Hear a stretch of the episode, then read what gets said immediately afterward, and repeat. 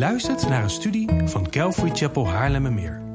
We bidden dat de Heer tot je zal spreken en je zult groeien in jouw persoonlijke relatie met de levende God. Bezoek voor meer informatie onze website calvarychapel.nl. Dat is C-A-L-V-A-R-Y-C-H-A-P-E-L.nl.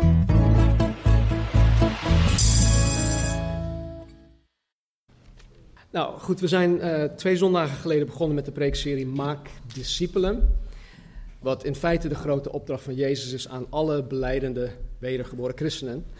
En de opdracht luidt als volgt: Ga dan heen, maakt alle volken tot mijn discipelen. En dopend in de naam van de Vader en van de Zoon en van de Heilige Geest, hun lerend alles wat ik u geboden heb in acht te nemen.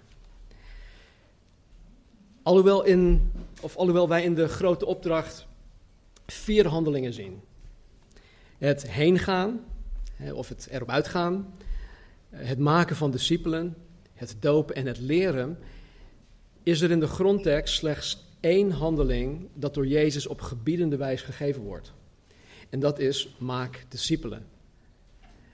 Dus er zitten wel een aantal andere dingen in, maar de enige echte opdracht wat hier zit, is maak discipelen. Dit is dan ook de focus van de grote opdracht. En vandaar dat, het de dat dit ook de focus is van deze preekserie, maak discipelen. Maar goed, als we hier naar kijken, naar de grote opdracht, kunnen wij de andere drie um, handelingen niet negeren. De Griekse werk, werkwoordsvorm van, uh, voor ga heen, dat is dan hier, uh, betekent dat je niet per se ergens heen moet gaan. Vaak denkt men dat. Oh joh, de grote opdracht, dat is voor die grote zendelingen. Hè? Nee, die, die gaan heen, die gaan, naar de, die gaan de wereld in. Maar dat is niet per se wat dat betekent. Kijk, je moet natuurlijk wel van je bank af. Je moet natuurlijk wel je tv uitzetten. Maar je hoeft niet per se naar verwegistan toe. Het betekent simpelweg dat terwijl je aan het gaan bent, Oftewel, terwijl je je leven aan het leiden bent. Dat betekent het. Ga heen. Dus terwijl je al gewoon je, je, je leven aan het doen bent, maak discipelen. Dus wanneer Jezus zegt, ga dan heen, ehm, betekent het gewoon dat waar je in je dagelijks leven bent, je bewust bent van de grote opdracht en dat je ook bewust en actief discipelen maakt. Hetzelfde geldt voor het dopen van de discipel. Terwijl je een discipel aan het maken bent, ga je die discipel te zijner tijd dopen. En dit is trouwens niet alleen voor, um, voor voorgangers of oudsten. Kijk, wij doen dat natuurlijk wel hier, omdat ja, we hebben hier de plek. Uh, in de, als het buiten koud is, dan hebben we dat lekker warm bad dat we hier neerzetten. En uh, het is vrijwel altijd um, mijn persoon of Casper of, of een van de, de, de, kerkleiders die dan mensen dopen. Maar dat hoeft helemaal niet. Wij krijgen allemaal de opdracht om dit te doen. Dus stel dat um, uh, Alyssa's collega die zegt van joh, vertel mij over de Jezus die jij navolgt. En uh, ze zitten toevallig op het strand in de, in de zomerperiode en Alyssa legt het evangelie uit en, en die persoon zegt, joh, ik wil, zo, ik wil me zo graag aan Jezus geven. Ik wil dat Jezus regie over mijn leven voert. Ik, ik, ik wil me bekeren. Ik beleid mijn zonde. En ik wil Jezus navolgen. En ik wil meteen gedoopt worden. Nou, dan is het niet zo dat Alyssa zegt van... Hé, hey, jouw pa, luister eens. Ik heb iemand hier die gedoopt wil worden. Nee, Alyssa die, die gaat met die persoon mee en die doopt haar gewoon. Dus het is niet alleen voor de, de eliten om dit hè, te doen. Dit is niet alleen voor kerkleiders. Dit geldt voor ons allemaal. En de laatste handeling is het leren. Wij die, uh, ja, die ons bezighouden met uh, onderwijs, leggen te vaak de nadruk op het leren. Maar de nadruk in het maken van de discipel ligt op het leren in acht te nemen wat Jezus opdraagt. Dat is toch wat anders. Vaak is het zo dat wij vanuit deze plek onderwijs geven. Maar wat ik tegen Casper gisteren ook zei, dat is veelal informatieoverdracht. Als je naast iemand komt te staan, als je iemand aan het discipelen bent, dan is dat toch iets anders, dan is dat meer transformatie in plaats van informatie. En zo uh, het leren in acht te nemen wat Jezus opdraagt, dat kan wel vanuit deze plek, maar ik zie ook vaak dat het één oor ingaat en uit het andere oor.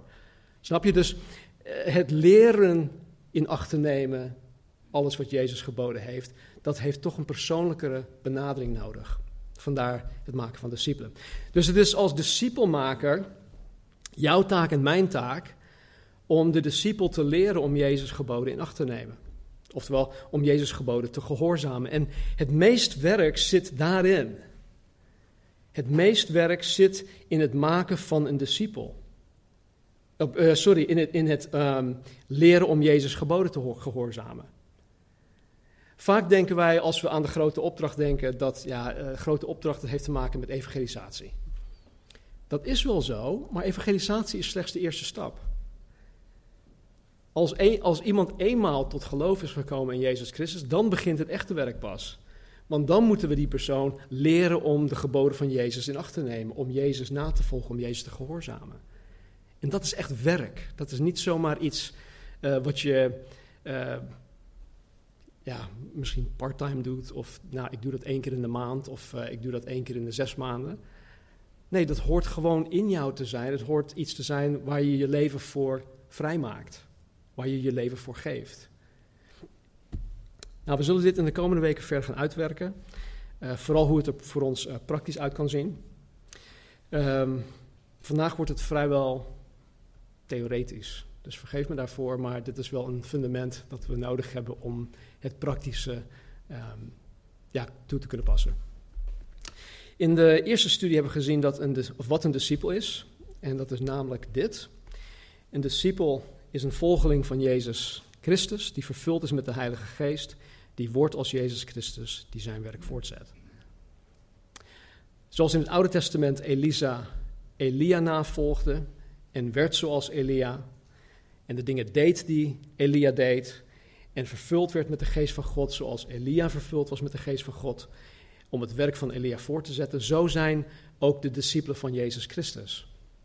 Wij zijn, wij zijn volgelingen van Jezus Christus. Wij zijn vervuld met de geest van Christus. Wij worden veranderd naar het beeld van Christus. Waarom? Om zijn werk voor te zetten. Het is gewoon een hele simpele uh, definitie van wat een discipel is. In de tweede studie hebben we gezien dat toen Jezus uh, Petrus, Andreas, uh, Jacobus en Johannes riep om hem na te volgen, dat was afgelopen zondag, zij zagen dat als de kans van hun leven. En vandaar dat zij ook letterlijk alles lieten vallen om Jezus na te volgen, om zijn discipelen te worden. En vanmorgen gaan wij in grote lijnen kijken naar de methode van Jezus. En hoe wij deze, deze methode, dezelfde methode, vandaag de dag horen toe te passen. Ik denk dat, ik hoop dat na vandaag het voor, voor ieder van ons gewoon veel makkelijker gaat worden. Dat is wel de bedoeling. Dus als jij, als jij het na vandaag gewoon veel moeilijker vindt, dan moeten we even samen koffie gaan drinken. Want um, het, het hoort echt makkelijker te worden na vandaag. Um, nog, nogmaals, ik, ik, ik, zei net dat het vrijwel theoretisch zal zijn, maar ik beloof dat het in de komende weken erg praktisch gaat worden. Nou goed, toen Jezus op aarde kwam, was dat geen toeval. Het moment. De timing van Jezus' komst was perfect. Het was echt perfect. Tot op het moment dat de profeet Johannes de Doper op het toneel kwam, hoorde Israël zo'n 400 jaar lang helemaal niets meer van God. De kleine profeet Malachi was de laatste profeet die in het Oude Testament namens God sprak. En dit was tijdens en ook kort daarna, na de bouw van um, de muur in Jeruzalem door Nehemia. Ik vond het trouwens wel grappig. Een tijdje geleden hadden we het met uh, met Casper een aantal mannen over um, het Oude Testament. En um, ik wil binnenkort, ja binnenkort, TZT wil ik een uh, soort uh, overview, wat is dat? Een, een ja, overzicht van het Oude Testament geven, waar we gewoon vanaf het begin door het heel Oude Testament heen gaan, maar dan in een soort van uh, helikopterview. En uh, um, ik probeerde het belang daarvan duidelijk te maken. En uh, ja, een paar van die, die, die jonge gasten die, die spartelden een beetje tegen. En ik zei, oké, luister. Wat is historisch gezien het laatste boek in het Oude Testament? Malachi. Nee. Ja, echt waar. Maar, kijk maar, Malachi is het laatste boek. Nee, nee. Historisch gezien is het laatste boek, is, uh, Israëls historie, is Nehemia. Malachi die sprak wel tijdens de periode van Nehemia, maar vanuit een historisch oogpunt is Nehemia het laatste, het laatste boek. Oké, nu snappen we het. Oké, oké, ja, we hebben dat, dat best wel nodig. Oké, ik, ik ben het ermee eens. Anyway, um, dus aan het einde van Nehemia, aan het einde van Malachi, is er gewoon een periode van 400 jaar waarin God dus helemaal niks zegt tegen Israël. Dat noemen ze de stille jaren, 400 jaar lang.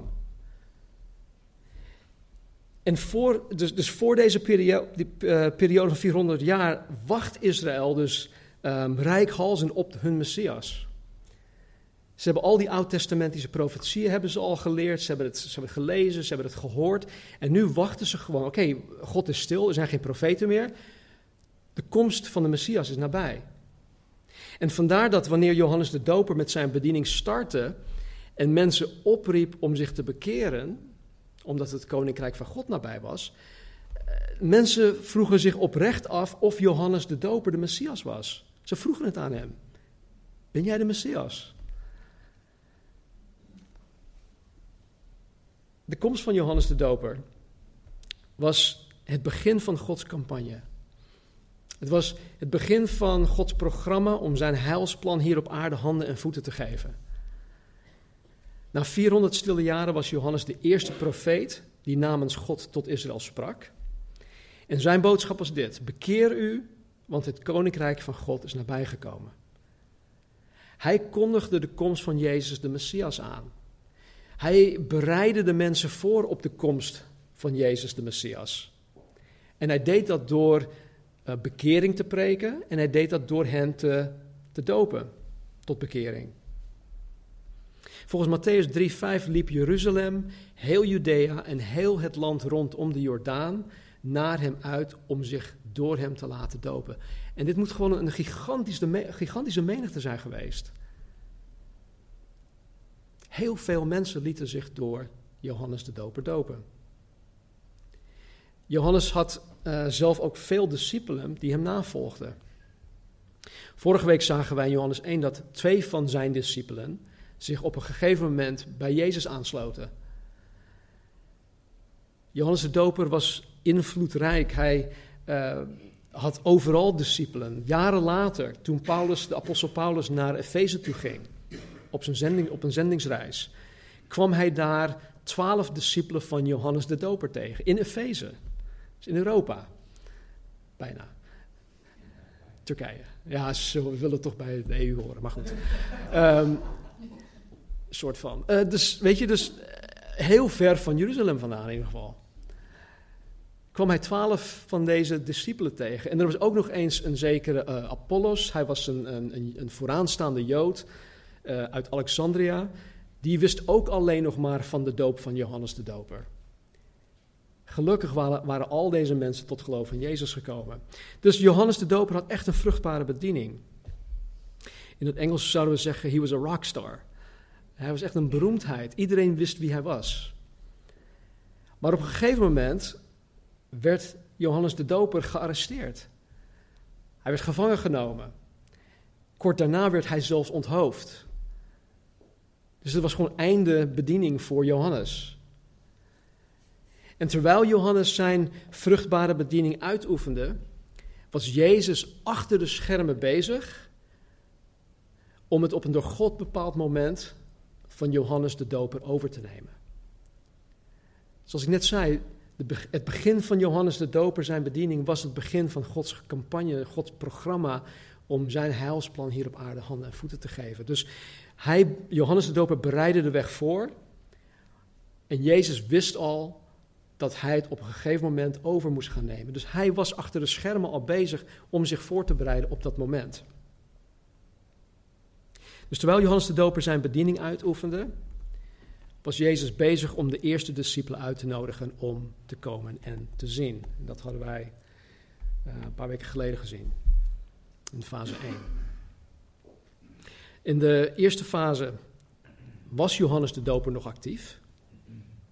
Hij was nog steeds mensen aan het dopen. Johannes de Doper had Jezus gedoopt. Vervolgens had hij van Jezus getuigd, zie het lam.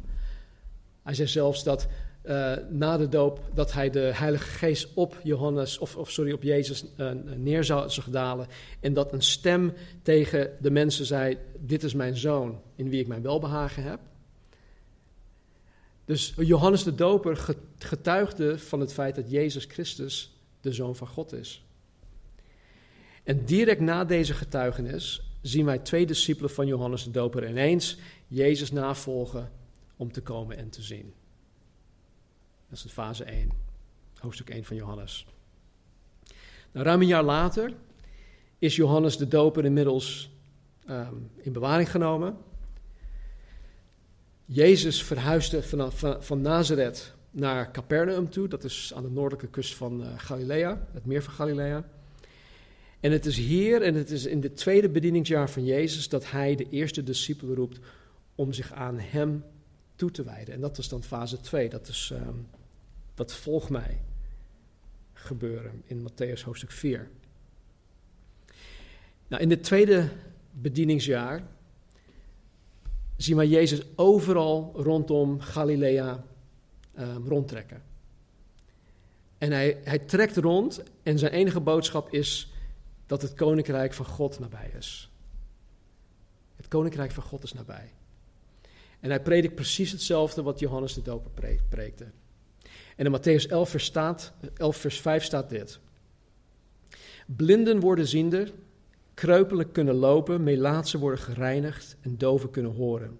Doden worden opgewekt en aan armen wordt het evangelie verkondigd. Dus Jezus is bezig met het doen van de dingen die de Messias zou doen. Het komt trouwens uit Jesaja wat al 700 jaar voor zijn komst voorspeld was, wat Jezus zou doen. Uh, als je je Bijbel bij hebt, laten we lezen vanuit Matthäus hoofdstuk 4, vers 23. We gaan best wel veel lezen vanmorgen.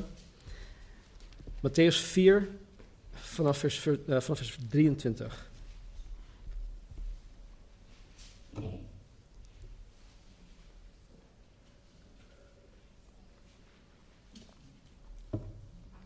Jezus trok rond in heel Galilea, gaf onderwijs in een synagoge en predikte het evangelie van het koninkrijk. Hij genas elke ziekte en elke kwaal onder het volk. En het gerucht over hem verspreidde zich over heel Syrië en ze brachten bij hem allen die er slecht aan toe waren en door allerlei ziekten en pijnen bevangen waren. En die door demonen bezeten waren en maanzieken en verlamden en hij genas hen. En een grote menigte volgde hem uit Galilea en Decapolis, uit Jeruzalem, Judea en van over de Jordaan. Toen Jezus de menigte zag, ging hij de berg op en nadat hij was gaan zitten, kwamen zijn discipelen bij hem en hij opende zijn mond en onderwees hen. Tot zover. In dit stukje zien wij dat Jezus de bediening van de lang verwachte Messias aan het vervullen was.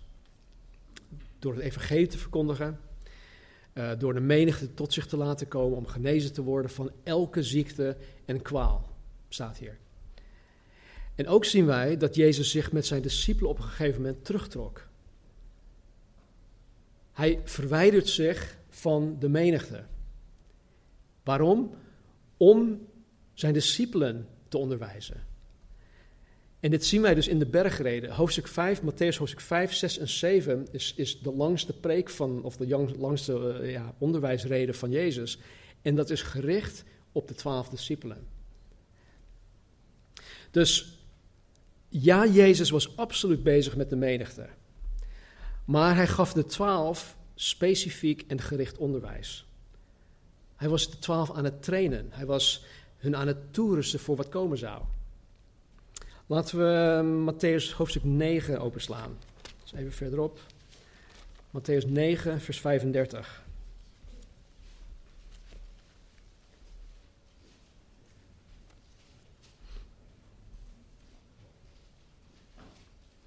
Matthäus 9, vers 35. En Jezus trok rond in al de steden en dorpen en gaf onderwijs in een synagoge. Hij predikte het evangelie van het koninkrijk en genas iedere ziekte en kwaal onder het volk. Toen hij de menigte zag, was hij innerlijk met ontferming bewogen over hen, omdat zij vermoeid en verstrooid waren, zoals schapen die geen herder hebben. Toen zei hij tegen zijn discipelen: De oogst is wel groot, maar er zijn weinig arbeiders. Bid daarom tot de Heere van de oogst dat hij arbeiders in zijn oogst uitzendt. Tot zover. We zien dat Jezus met, uh, of, of innerlijk met ontferming bewogen was over de menigte. Maar tegelijkertijd geeft Jezus zijn discipelen ook een hint dat zijn werk uiteindelijk overgedragen moet worden aan arbeiders die hij uit zal zenden om discipelen te maken. Dus al vrij vroeg leert hij hun: luister, er zijn heel weinig arbeiders. Ik kan dit niet in mijn eentje doen. Er zijn weinig arbeiders. Bid tot de Heer van de oogst dat hij arbeiders in zijn oogst uitzendt. Dus hij betrok hun er al bij om daarvoor te gaan bidden voor de toekomst. Uh, Marcus, hoofdstuk 6. Marcus, hoofdstuk 6, vers 31.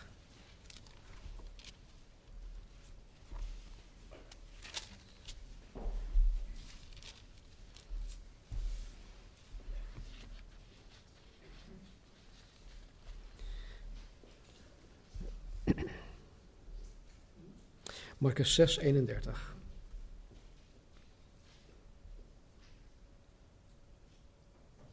Ah, vanaf 30, doe maar, vanaf 30. En de apostelen kwamen weer samen bij Jezus en berichtten hem alles wat zij gedaan en wat zij onderwezen hadden. En Jezus zei tegen hen: Komt u zelf mee naar een eenzame plaats, alleen, en rust wat uit. Want er waren er velen die kwamen en die uitgingen, en die gingen.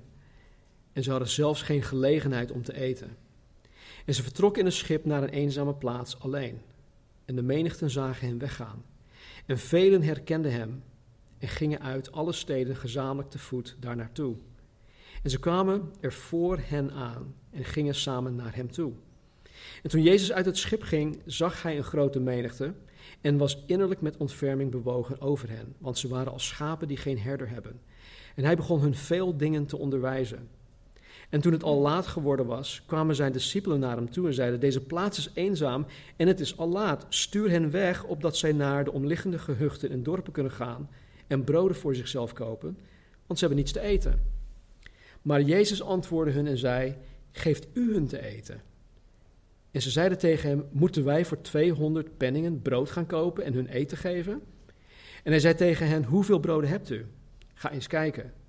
En toen ze te weten gekomen waren, zeiden zij: Vijf broden en twee vissen. En hij droeg hun op om allen in groepen te laten gaan zitten in het groene gras. En ze gingen zitten in groepen van honderd en van vijftig. En toen hij de vijf broden en de twee vissen genomen had, keek hij op naar de hemel, zegende en brak de broden en gaf ze aan, aan zijn discipelen, opdat zij die aan hen zouden voorzetten. En de twee vissen verdeelde hij onder allen. En ze aten allen en werden verzadigd. En ze raapten twaalf manden vol met stukken brood op en wat over was van de vissen. En die de broden gegeten hadden, waren ongeveer vijfduizend mannen. Tot zover. Nou, we zien nogmaals nog, eh, dat, dat Jezus innerlijk met ontferming bewogen was over de menigte. Maar hier zien wij dat Jezus zijn discipelen uitdaagt. Hij zegt: uh, Geeft u hun te eten. Ik denk dat ze allemaal naar elkaar gekeken van, ja hallo, uh, wat, bedoelt hij daar nou mee? De een zegt, ja, moeten we dan voor 200 uh, euro uh, brood gaan kopen voor al die mensen? Weet je, dus hij, hij, hij, hij daagt hun uit om met een oplossing te komen. In plaats van dat Jezus hier alles zelf deed, wat hij gewoon kon, betrok Jezus zijn discipelen bij het wonder. Hij betrok hen bij het wonder, bij het bovennatuurlijke. En ik geloof dat Jezus dit deed om zijn discipelen te laten proeven dat ook zij betrokken kunnen zijn bij het bovennatuurlijk werk van de Messias. En dat is zo gaaf, want ook wij kunnen betrokken zijn bij het bovennatuurlijk werk van het evangelie. Ik zeg het zo vaak. Het grootste wonder in een mensenleven is dat hij of zij tot wedergeboorte komt. Dat staat bij mij gewoon als een paal boven water. Want deel het evangelie maar met iemand als je hier weggaat. Probeer het even. Mensen, ze, of ze willen het niet horen, of ze snappen het niet. Weet je, er zijn zoveel redenen waarom mensen niet tot geloof kunnen komen of willen komen. Dus op het moment dat iemand echt tot wedergeboorte komt, dat, dat moet een wonder zijn. En dat is het ook. Het is echt het allergrootste wonder. En God wil ons daarbij betrekken, bij het bovennatuurlijk werk van Jezus de Messias. Um, terug naar Mar uh, Matthäus, Matthäus hoofdstuk 10. Matthäus 10, vers 1 tot en met 10.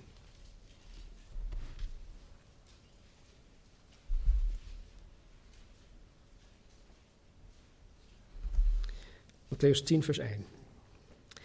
En hij, Jezus, riep zijn twaalf discipelen bij zich en gaf hun macht over de onreine geesten om die uit te drijven en om iedere ziekte en elke kwaal te genezen.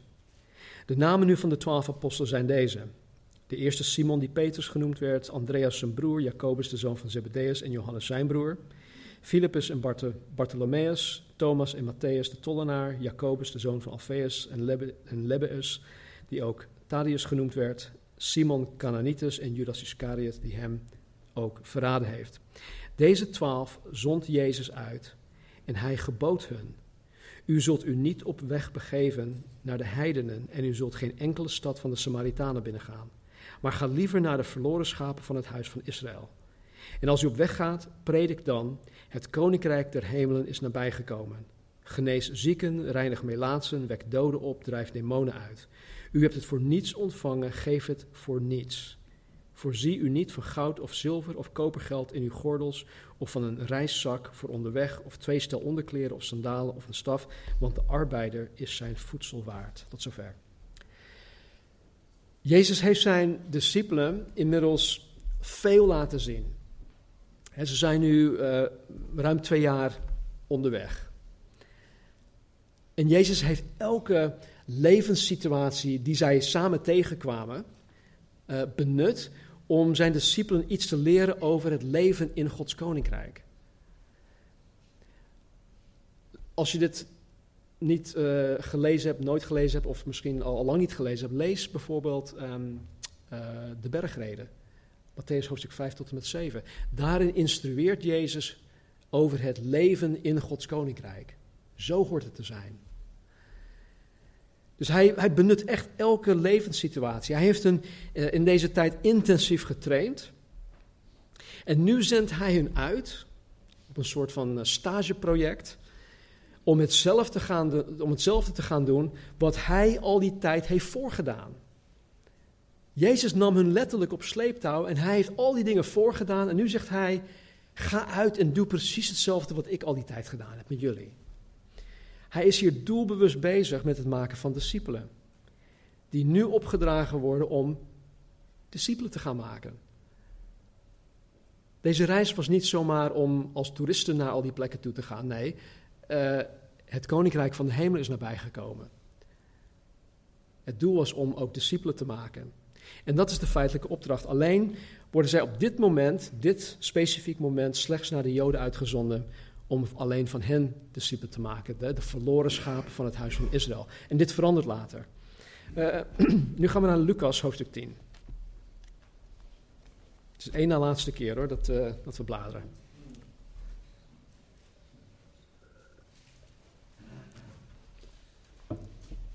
Lucas hoofdstuk 10 en dan uh, vanaf vers 1.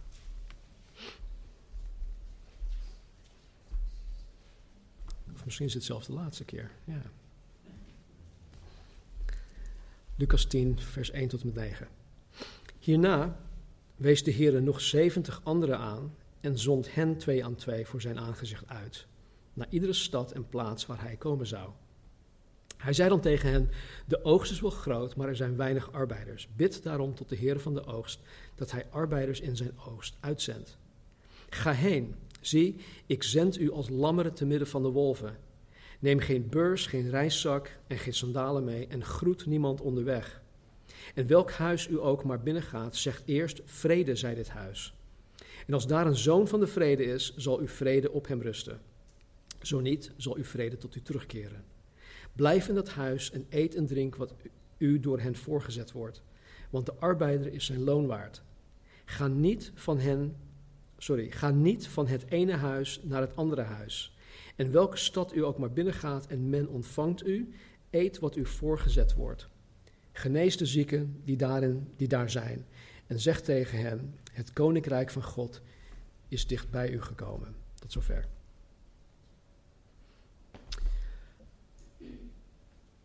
We zitten nu ongeveer in zijn derde bedieningsjaar. En Jezus zendt ineens 70 van zijn discipelen uit om hetzelfde te gaan doen wat Jezus en zijn twaalf discipelen hebben voorgedaan. Maar deze 70 krijgen niet de opdracht om slechts naar de Joden toe te gaan, zoals dat eerder wel het geval was met de twaalf. En weet je, als, toen ik dit voor het eerst las, en zelfs van de week nog, toen ik het las, was de eerste vraag die in mij opkwam: waar komen deze 70 vandaan? Ze worden nergens anders in de Bijbel genoemd. Ineens in Lucas 10 zendt Jezus 70 van die, van die mensen uit. Waar komen ze vandaan? De rest van de evangeliën richt zich puur en alleen op de twaalf. En natuurlijk zijn er heel veel andere mensen die hem navolgen, maar die op een gegeven moment in Johannes hoofdstuk 6 afhaken, omdat Jezus het hun te moeilijk maakte. Maar hier zijn ineens 70. Waar komen ze vandaan? Nou, ik kan dit niet bijbels onderbouwen of bewijzen, dus neem dit met een korreltje zout als je dat wil. Maar persoonlijk geloof ik dat deze 70 discipelen discipelen waren geworden door middel van de bediening van de twaalf. De reden waarom ik dit geloof is omdat de twaalf eerder uitgezonden waren en de opdracht hadden gekregen om discipelen te gaan maken. En het idee van discipelen maken was normaal voor hun. Dat is gewoon wat zij deden. Als zij een rabbi navolgden, dan was het de bedoeling dat zij meer discipelen maakten. En Jezus deed dit met hun. Dat is wat hij deed. En hij leerde hun om dat ook te doen. Dus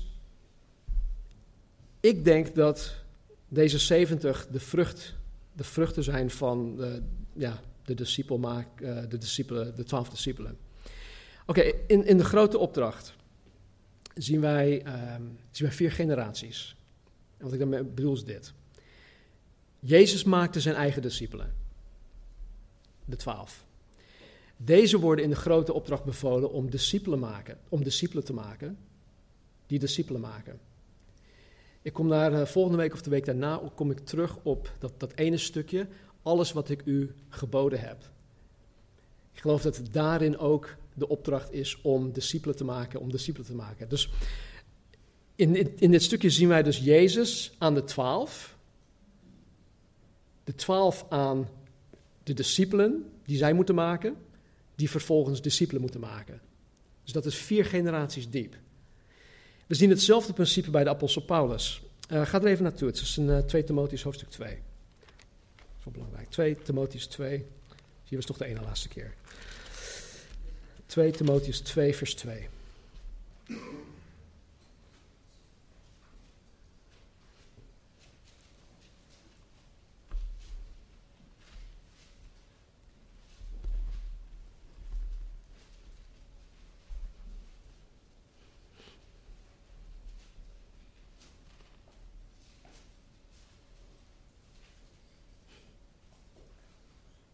Ja, 2 Timotheus 2.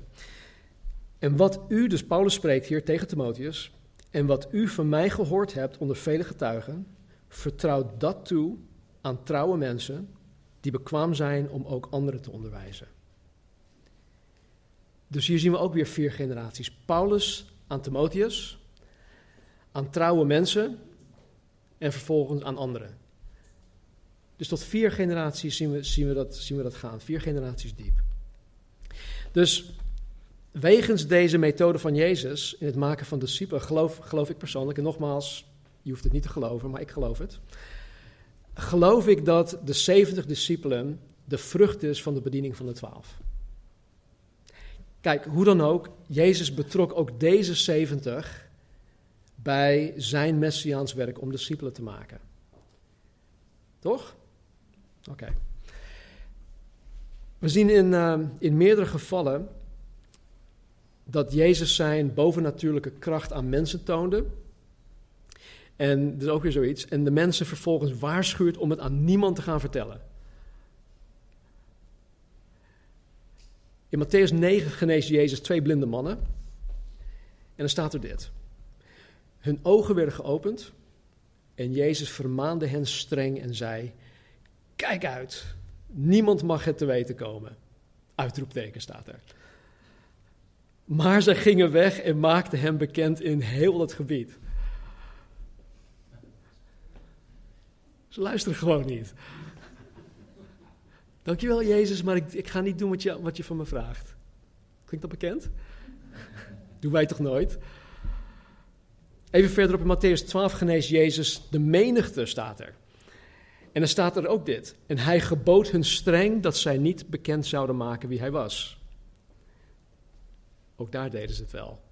In Matthäus 16, nadat Petrus had beleden dat hij en de discipelen ervan 100% overtuigd waren dat Jezus de Christus is, de Zoon van de levende God, staat dit.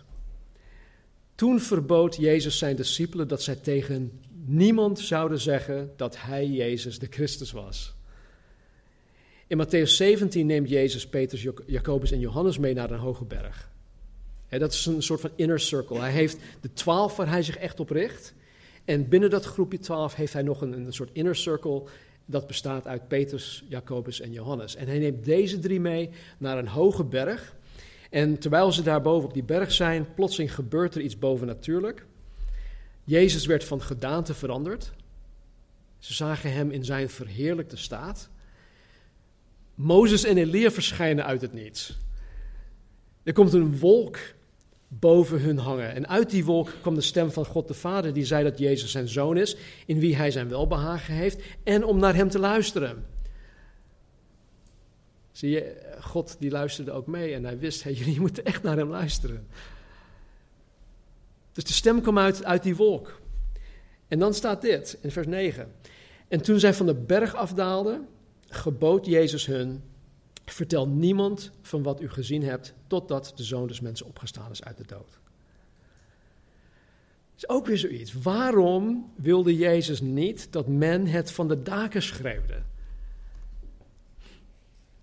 Wij doen ons uiterste best hè, als kerkgenootschap.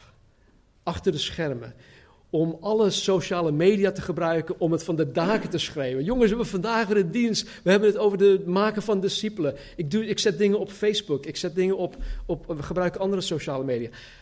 Jezus zegt: Shh, vertel het aan niemand. Vertel aan niemand dat ik de Christus ben. Dus waarom? Waarom wilde hij een obscuur leven leiden? Waarom wilde hij in onbekendheid blijven?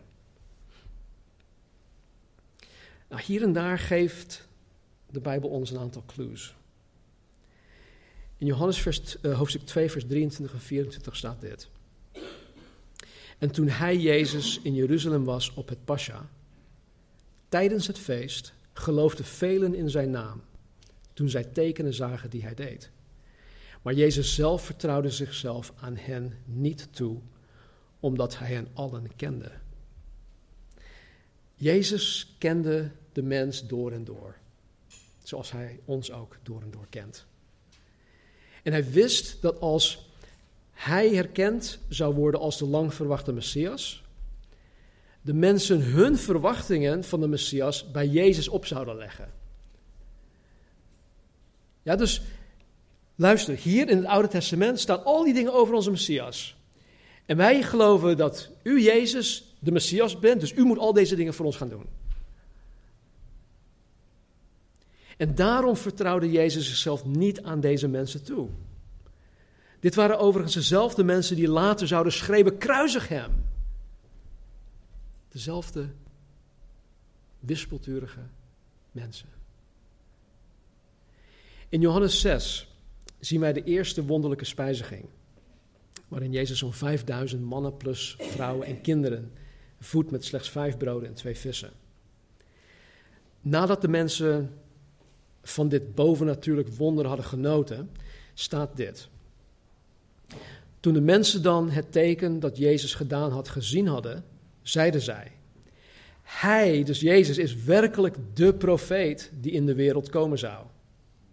Omdat Jezus nu wist dat zij zouden komen en hem met geweld mee zouden nemen om hem koning te maken, trok hij zich opnieuw terug op de berg, hij zelf alleen. De reden dat Jezus in onbekendheid wilde blijven, was omdat hij wist dat de mensen hem met geweld mee zouden nemen om hem ertoe te dwingen om hun koning te zijn. De mensen hadden een verkeerde opvatting van de Messias. Zij kenden Gods heilsplan nog niet. Ze wisten op dit moment nog niet dat de Messias voor hun zonde aan het kruis moest gaan sterven. Paulus noemt dit tot meerdere malen toe de, de geheimenis van Christus. En het is een geheimenis dat in het Oude Testament nog niet geopenbaard werd, maar dat nu in het Nieuw Testament wel geopenbaard is. Dus het blijft niet een geheimenis, het is geopenbaard. De mensen dachten dat de Messias in al hun fysieke noden zou voorzien. Dat hij Israël zou verlossen van de bezettingsmacht van Rome. Dat hij hun zou voorzien van eten en drinken, dat hij hun zou genezen en laten welvaren, enzovoort, enzovoort. Maar God had een ander plan. God had een totaal ander plan. Een plan waarin Jezus voor de zonde van alle mensen zou sterven. Waarin Jezus God en mens zou verzoenen. Waarin Jezus zijn kerk zou bouwen. Matthäus hoofdstuk 16. Door middel van zijn medearbeiders, door middel van discipelen die discipelen maken, die discipelen maken. Het werk dat nu ruim 2000 jaar gaande is. Dat plan. Dus om Gods plan niet in gevaar te brengen, hield Jezus de mensen ervan af om hem ertoe te dwingen om hun, ja, laat ik even een soort pinautomaten noemen. Zij wilden Jezus gewoon gebruiken. En weet je, ik vind het soms zo. Ik maak me er soms zo boos om. Ik vind het zo triest. Dat sommige mensen, zelfs mensen die zich christen noemen, meer geïnteresseerd zijn in wat Jezus hun te bieden heeft dan Jezus zelf. En dan misbruiken we Jezus ook. Keith Green, die uh, ergens in begin jaren tachtig overleden die heeft geweldige liederen, geweldige teksten geschreven.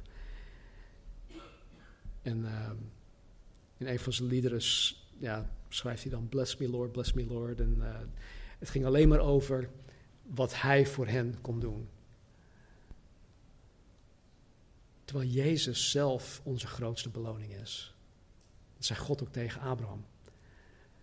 I am your exceeding great reward. Ik ben jouw beloning. Nadat de twaalf in Matthäus 16 beleden hadden, dat zij er voor 100% zeker waren dat Jezus de Christus is, de Zoon van de levende God, begon Jezus de twaalf te leren dat hij uh, veel moest lijden en verworpen worden door de oudsten en overpriesters en schriftgeleerden en uiteindelijk gedood worden en na drie dagen uit de dood opstaan. En hiermee wilde Jezus zijn discipelen voorbereiden op wat er komen zou. Ik weet niet of dit ooit is opgevallen, maar Jezus had dit alleen met de twaalf gedeeld.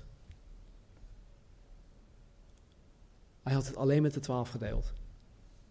Niemand anders. En het geeft aan dat Jezus zichzelf wel aan deze twaalf had toevertrouwd. Hij gaf zichzelf bloot. Waar hij zichzelf in tegendeel niet aan de menigte had toevertrouwd. En het geeft dus ook aan dat Jezus het volle vertrouwen in de twaalf had. Hij had het volle vertrouwen in deze twaalf jonge mannen. De relatie tussen rabbi en discipel was intiem, het was vertrouwd, het was vertrouwelijk. En Jezus wist nu op dit moment, na die beleidenis van Petrus, dat hij na een trainingsprogramma van zo'n 3,5 jaar zijn discipelen kon vertrouwen om de grote opdracht uit te voeren. Kijk, Jezus had niet alleen een geweldige boodschap, het evangelie. Evangelie betekent blijde boodschap. Hij had ook een geweldige methode. En dat is dat hij zich vooral richtte op een, een klein aantal mensen. Waarin en waardoor hij zichzelf kon vermenigvuldigen. Ik weet niet hoe het voor jullie is, hè, maar jullie die ouders zijn, die kinderen hebben. Toen Marnie en ik hier uh, bijna 25 jaar geleden uh, naar, naar, Nederland kwamen, toen hadden we vier uh, kinderen, vier jonge dochters. Onze oudste was uh, net elf geworden en onze jongste Kendall die was drie maanden oud. En jullie die ouders zijn die meerdere kinderen hebben, weten hoe lastig het soms kan zijn om je aandacht te verdelen onder die kinderen. Want ze schreeuwen allemaal om aandacht. En je wil de niet tekort doen. Je wil, goed, jullie begrijpen dat. En, en zo is dat ook met, met het christen zijn. Ik wil zoveel. Ik wil liefst met een ieder van jullie op vakantie gaan. Om gewoon misschien een week of twee, twee weken lang heel intiem samen Bijbel openslaan, samen zingen, samen bidden. Gewoon dat soort relatie met een ieder van jullie te kunnen hebben. Maar dat gaat niet. En weet je, daarom is, is het voor mij ook. Um, en ik hoop niet dat jullie het zo ervaren, maar dat ik met een select groep mensen optrek en dat ik een select groep mensen, uh, dat ik in hen investeer en dat ik hun aan het discipelen ben, betekent niet dat, um, dat ik favorites heb. Hoe zeg je dat, Casper? Dat ik favorieten heb, dat ze mijn lievelingen zijn of zo. Het is, het is alleen maar zo dat, dat ik kan mijn aandacht en mijn, mijn, mijn, ja, mijn tijd en energie en eh, wat ik te bieden heb, alleen maar aan een heel klein groepje mensen overdragen. Maar als wij dat allemaal doen,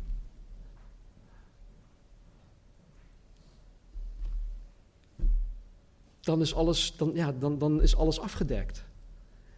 Als jullie het allemaal van mij verwachten, dan stel ik jullie allemaal teleur. Maar als wij dit oppakken, als wij dit samen oppakken, dan wordt alles afgedekt en dan, dan is er aandacht voor iedereen. En dan wordt iedereen gediscipeld en dan wordt iedereen opgebouwd en dan worden we uitgedaagd en dan worden we gecorrigeerd, enzovoort, enzovoort.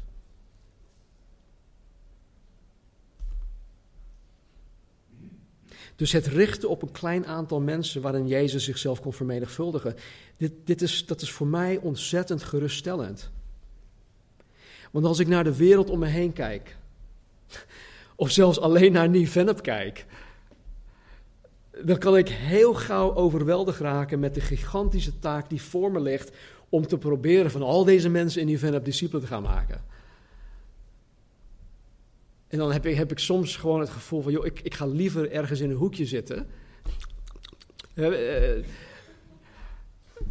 want het, het, het gaat toch nooit gebeuren. Dus dat Jezus ons een model geeft waarin, waarin in ieder van ons kunnen richten op een klein groepje mensen, dat is toch fantastisch? Voor mij is het geruststellend.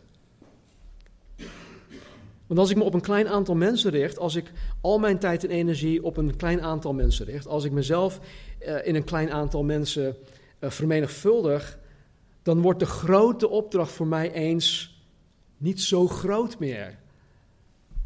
Ik vind het trouwens ja, een beetje lastig soms om dat zo te horen. Ja, het is een grote opdracht. Er staat nergens in de Bijbel dat het zo heet. Mensen hebben het daar, uh, dat, dat zelf verzonnen. Maar ja, als je het over een grote opdracht hebt, ja, dan lijkt het zo groot en onhaalbaar.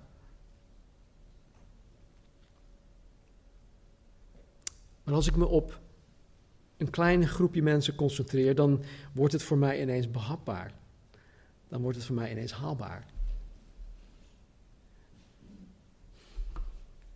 Hoe laat leven. Weet je, voor mijn gebed voor jou is, is, is dat ook jij gaat inzien dat de grote opdracht aan jou persoonlijk gegeven is. En ieder, als, als jij je vanmorgen een christen acht, dan is de grote opdracht ook voor jou.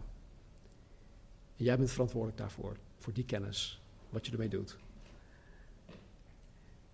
En mijn gebed is niet alleen dat je gaat inzien dat de grote opdracht aan jou persoonlijk gegeven is, maar ook dat God jou in staat zal stellen om zijn werk hier op aarde uit te kunnen voeren.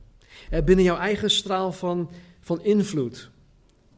We hebben allemaal mensen die wij, die wij kennen. Er zijn mensen in jullie levens die ik nooit zal spreken. Maar jullie wel, waar jullie wel toegang hebben tot die mensen.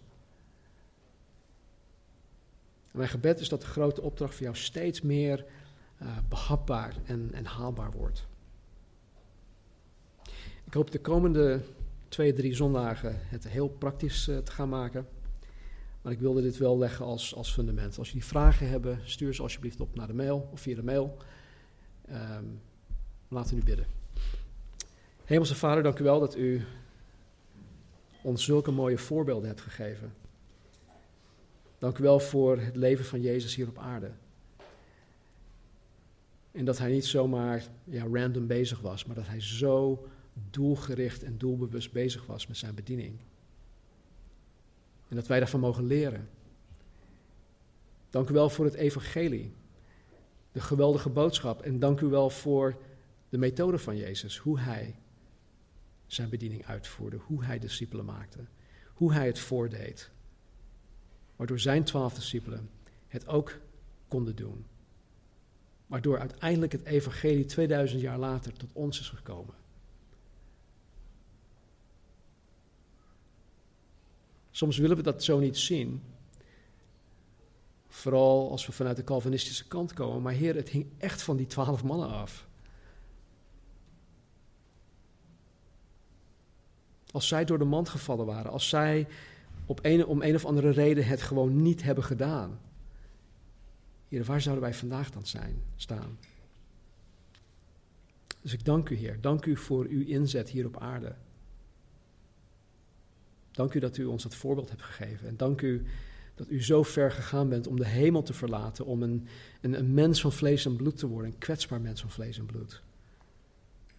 Dat u ons grootste voorbeeld bent. Help in ieder van ons, Heer, om de grote opdracht te zien als iets waarvoor ja, wij persoonlijk verantwoordelijk zijn. Waartoe u ons roept. Vergeef ons waar we ja, dit hebben nagelaten. Vergeef ons waar we er onverschillig mee omgegaan zijn. En help ons, help ons om te doen wat u van ons vraagt. Vader, ik bid dat het voor een ieder van ons steeds duidelijker en steeds makkelijker gaat worden. Om u na te volgen, om u te dienen. Heer, dat wij, ja, zoals wij positioneel een nieuwe schepping zijn in Christus, dat wij ook daarna gaan wandelen. Waardig de roeping waarmee wij geroepen zijn. Dus zegen uw volk, Heer. Zegen uw kinderen, zegen uw kerk hier en wereldwijd. Omwille van uw naam. En kom gauw terug. In Jezus' naam. Amen.